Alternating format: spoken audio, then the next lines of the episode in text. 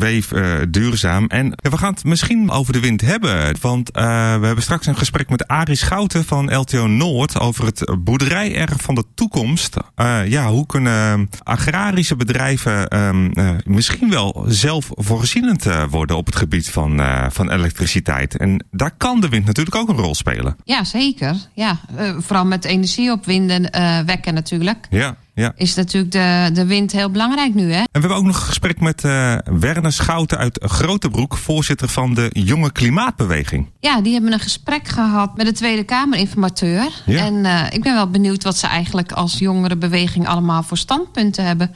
En wat ze, ja, hoe het gesprek is verlopen. Ja, volgens mij is het ook een uh, unicum dat uh, jongeren bij het formatieproces worden betrokken. Ja, daarom. Dus dat is op zich al. kijk, het, je hoort natuurlijk allerlei geluiden, vooral dat jongeren zich heel erg bezighouden met het klimaat. En ja, dat snap ik ook wel, want dat is hun toekomst natuurlijk.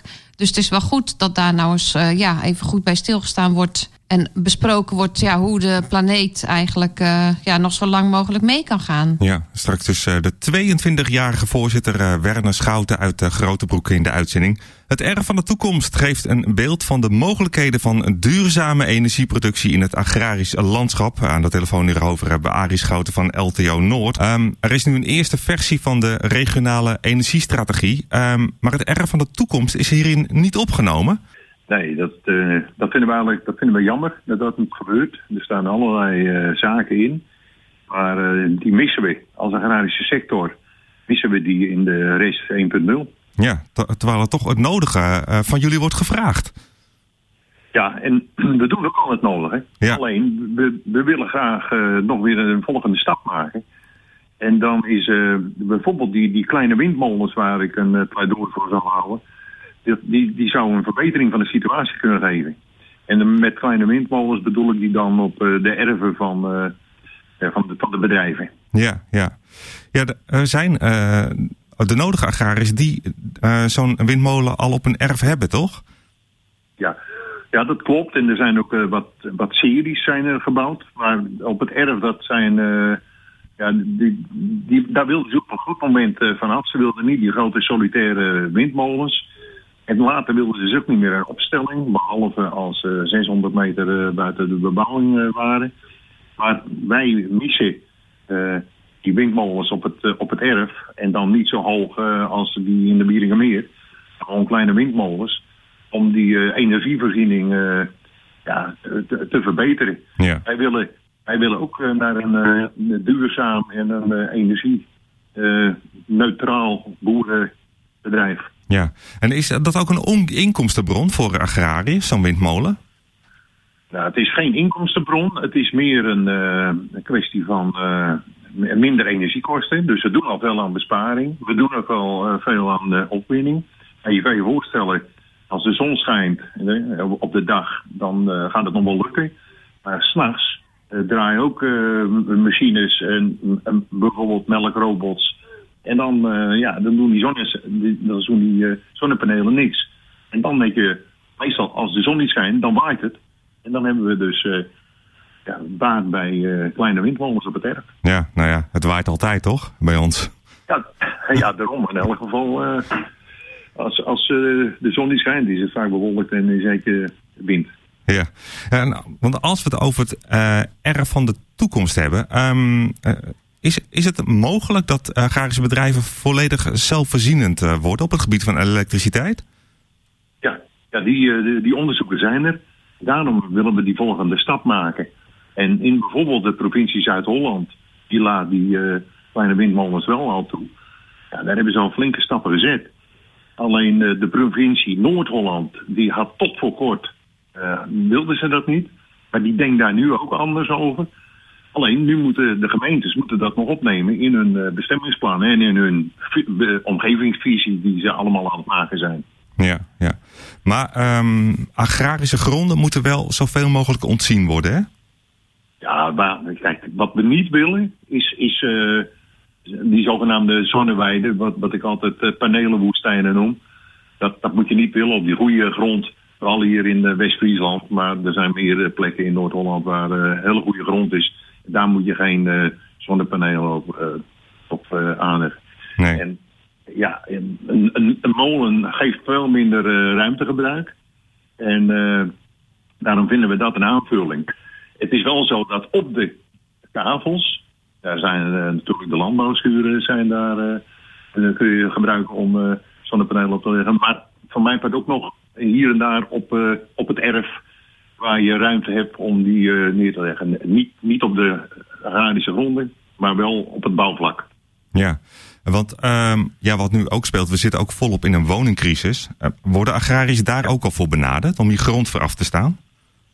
Ja, op het moment niet, maar dat, dat gebeurt natuurlijk uh, met een zekere regelmaat. En uh, ja, kijk, mensen moeten ook ergens wonen, dus daar, ja, daar, daar, hebben we in het verleden nooit geen, hebben we in het verleden geen bezwaren tegen gemaakt. We hopen nu wel dat ze op plekken gaan waar, nou, binnenstedelijk, en ja, dat je toch iets de hoogte ingaan om die grond zo mogelijk te reserveren. Ja.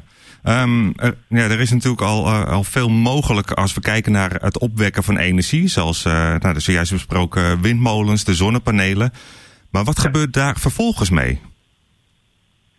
Ja, die, zo, wat ik begrijp, en ik ben ook niet super technisch, maar kijk, dat lever je terug. Je hebt, je hebt zo'n moment een slimme meter waardoor je de, het teruglevert aan het uh, net. En het net die zorgt voor, uh, bij jou voor een uh, regelmatige aanvoer van elektriciteit.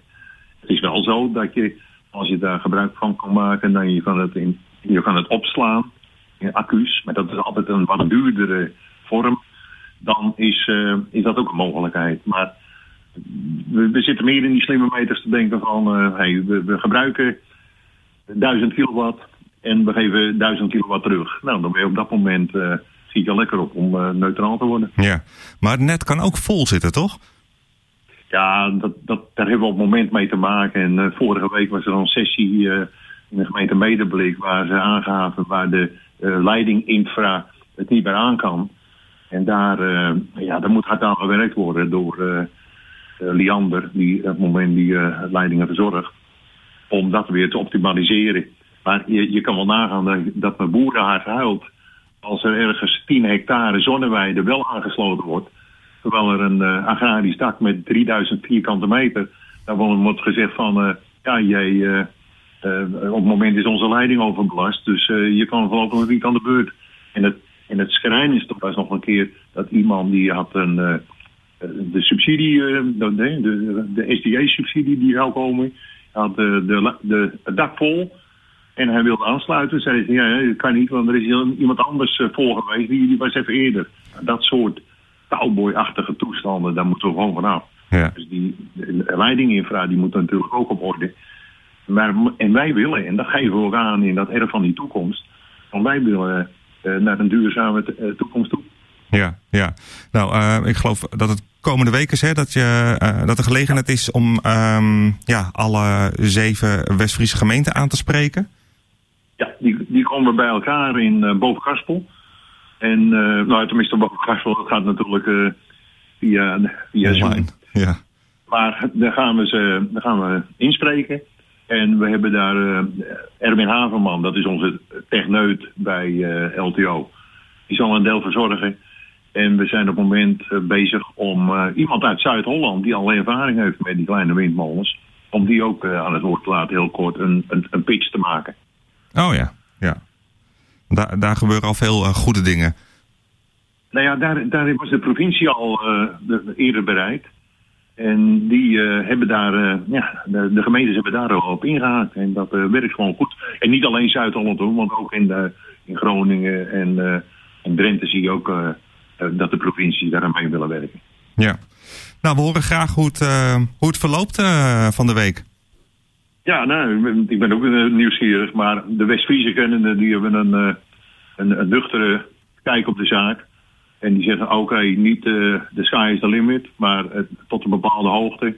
En dan uh, gaan jullie een duurzame toekomst tegemoet. Ja, heel veel succes. Dankjewel. Weef duurzaam met Rob de Geel en Sandra van Leeuwen.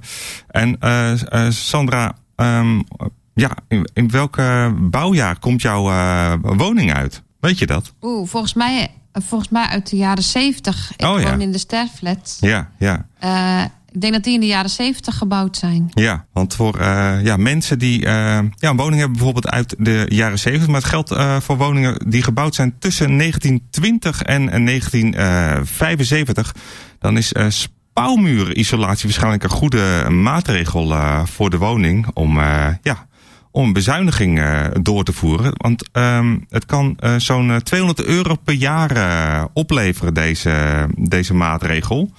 Um, en het, het kan al in een dag geregeld zijn.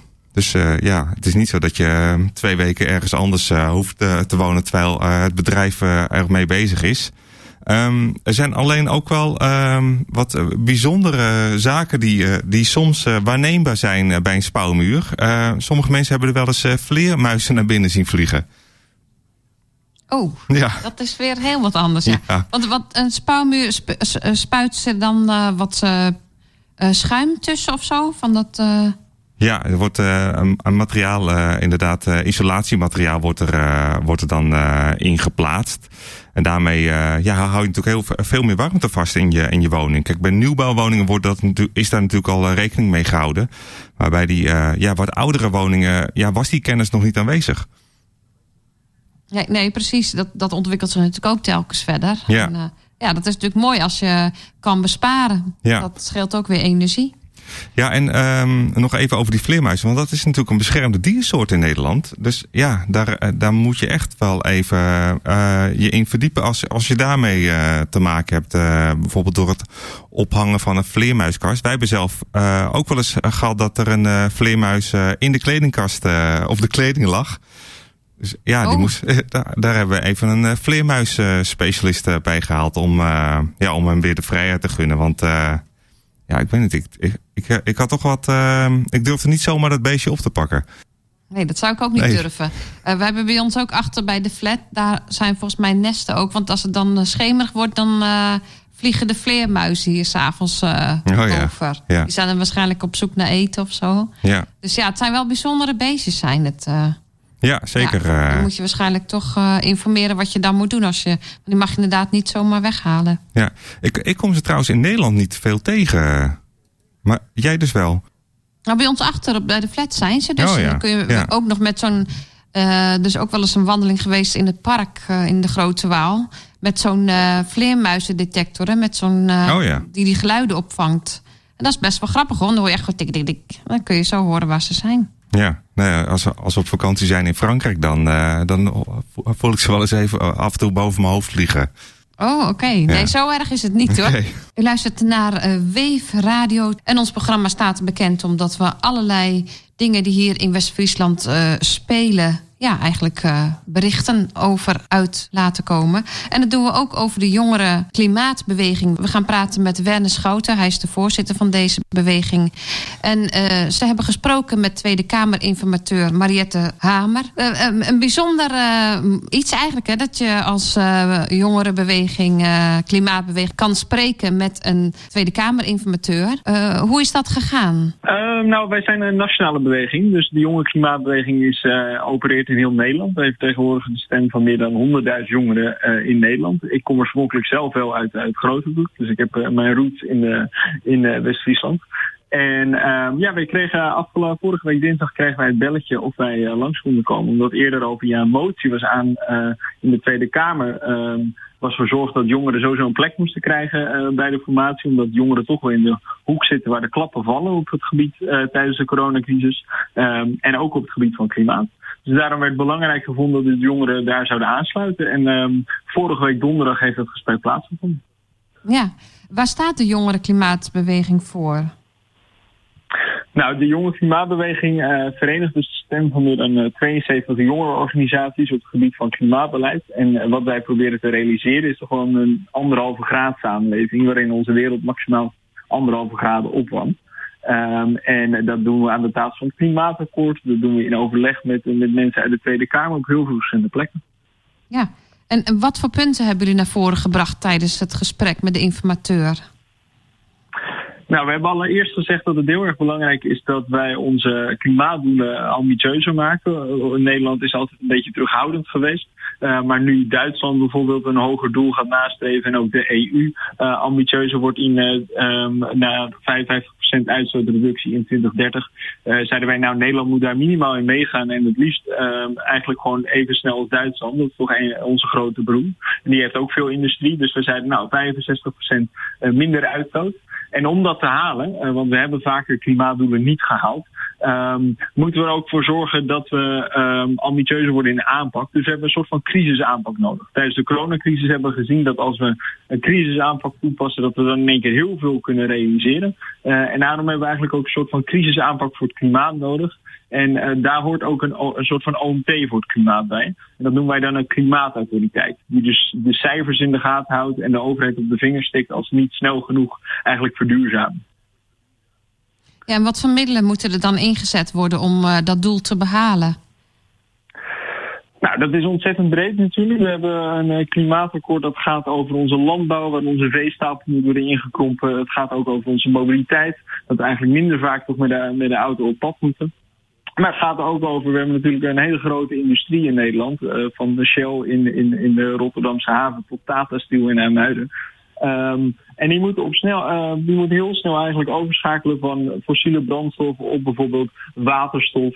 Um, op andere uh, biogrondstoffen op die manier, zodat we eigenlijk onze uitstoot heel snel naar beneden kunnen brengen. En dat kan als we het willen. Het is een grote opgave, maar um, als we nu stevig investeren, dan, dan kunnen we gewoon koploper worden in de groene economie.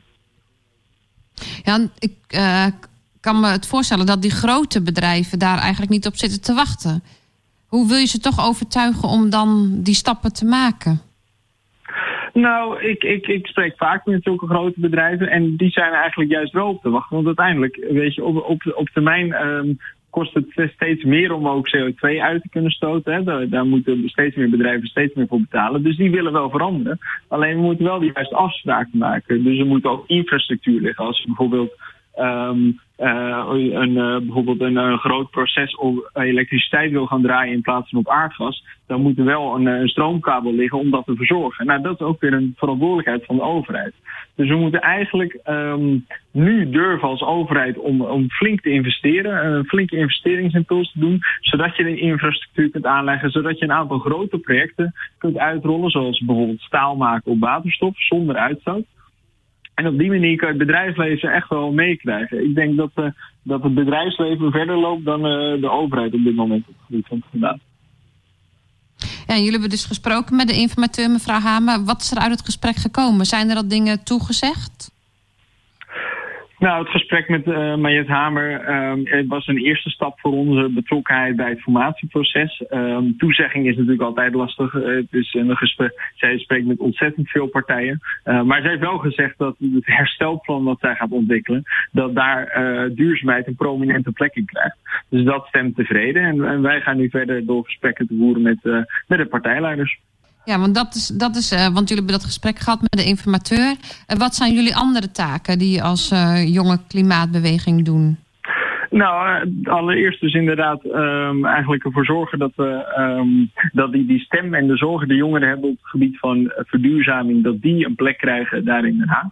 Maar daarnaast proberen we jongeren zelf ook uh, te mobiliseren, meer bezig te gaan met duurzaamheid. Dus wij gaan bijvoorbeeld langs bij MBO en HBO-scholen om um, uh, samen het gesprek aan te gaan over klimaatverandering, wat ons te wachten staat, ook wat we eraan kunnen doen. En op die manier proberen we de dialoog aan te gaan. En weten we zo heel veel jongeren te bereiken in Nederland. Ja, want je ziet het in de media. Het speelt wel degelijk onder jongeren. Wat verstaan jullie precies onder jongeren? Welke leeftijdscategorie? Nou, onze, onze doelgroep bestaat echt uit, uit, uit jongere studenten en jong professionals. En dat is dus tussen de 16 en 32 jaar. En, en hebben jullie nog jongeren, want het is een uh, um, organisatie met veel vrijwilligers, begrijp ik. Uh, zijn er nog, jullie hebben nog nieuwe vrijwilligers nodig, begreep ik ook. Dat is helemaal juist inderdaad. We zijn momenteel ook aan het werven om uh, een nieuw bestuur en nieuwe mensen binnen de organisatie. Dus uh, mochten mensen geïnteresseerd zijn, kunnen ze altijd een kijkje nemen op www.jongeklimaatbeweging.nl. Ja, nou ik hoop dat er heel veel ja, in beweging wordt gezet door jullie acties en het vragen voor aandacht voor het klimaat. En nou, we houden het in de gaten wat jullie vorderingen zijn. In ieder geval heel hartelijk dank voor de toelichting. En het heeft ook weer even bij ons op de agenda gestaan. Heel fijn. Hartelijk dank. Er zijn heel wat mensen die uh, vandaag uh, de handen uit de mouwen steken. Dat is natuurlijk uh, Enel doet vandaag, Sandra. Ja, anders is dat natuurlijk altijd in maart. Maar nu is het opgeschoven naar mei. En gelukkig ja, kunnen de handen inderdaad uit de mouwen gestoken worden. Ja. Het voelt nog steeds als maart buiten. Ja, dat wel. Ja. Het is iets anders dan de weer mannen beloofd hebben. Maar ja, het NL Doet gaat gelukkig gewoon door, want het is droog. Je kan van alles doen, buiten en binnen. Uh, ik heb ook al heel wat filmpjes gezien van het Koninklijk Paar... dat ze druk uh, in de weer zijn om bijvoorbeeld clubhuizen op te knappen... en tuinen te snoeien. Ja. En misschien uh, doe je zelf wel mee aan NL Doet... en wil je er wat over vertellen... dan kun je natuurlijk altijd even contact opnemen met onze studio, met Rob. Ja, heel, heel makkelijk uh, via weefradio.nl. Uh, daar staat de button App de Studio. En dan komt het zo, uh, zo binnen bij ons. En dan kunnen we daar aandacht aan besteden. Ik zag al half politiek is op de begraafplaats aan het keren. Om, om daar alles weer mooi te maken. En uh, ook uh, vanuit Enkhuizen hebben we al wat uh, berichten binnengekregen. Van de Peuterspeelzaal bijvoorbeeld van de Montessori, waar veel mensen bezig waren. En ook uh, de kade langs de Oosterhaven die, uh, die wordt onder handen genomen. En zo zijn er nog wel meer activiteiten hoor. Bijvoorbeeld bij het Zuiderzeemuseum. Het jaarlijkse onderhoud van de bronstijdboerderij. En natuurlijk is er ook bij de vele sportclubs in West-Friesland het nodige te doen. Onder andere bij de Hoornse baseball- en softbalvereniging Urbanus. En ook bij FC Medemblik.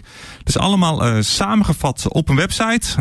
VWP nldoet.nl. Dus vwpnldoet.nl. Dan kun je een overzicht uh, zien van alle klussen die er uh, vandaag gedaan kunnen worden.